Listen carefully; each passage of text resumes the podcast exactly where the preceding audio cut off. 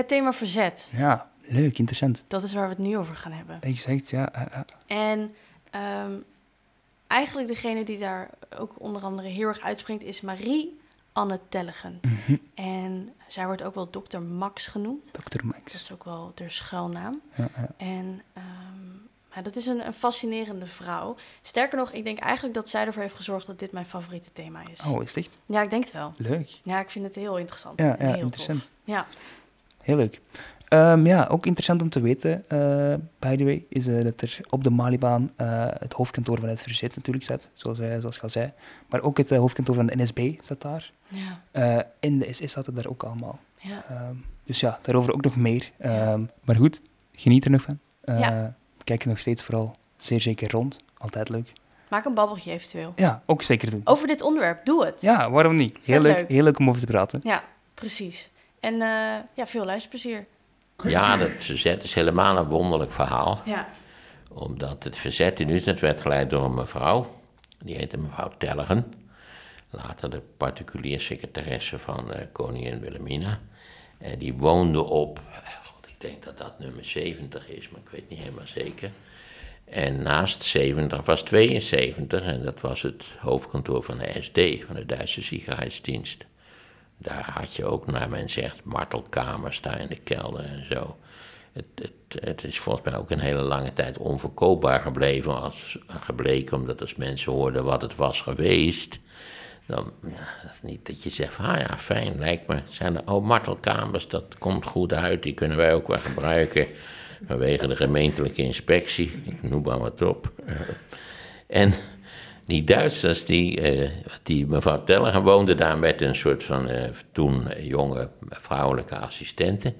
Die later de eerste vrouwelijke rechter in Nederland is geworden, als ik het wel heb.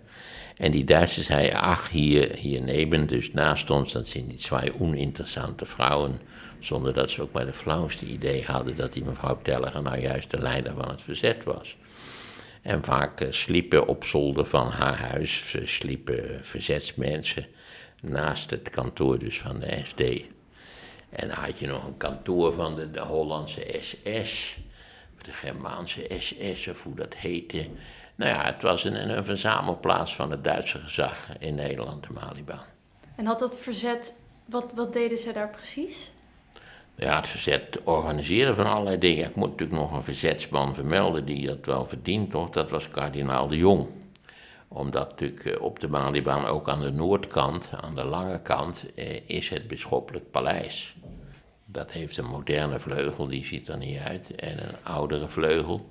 En naast die oudere vleugel staat een kapel, waar ik ooit in ben geweest vanwege tv-opnames. Echt een fantastische kapel. Als je, als, je, als je twijfelt over het geloof, dan moet je daar een kwartiertje gaan zitten.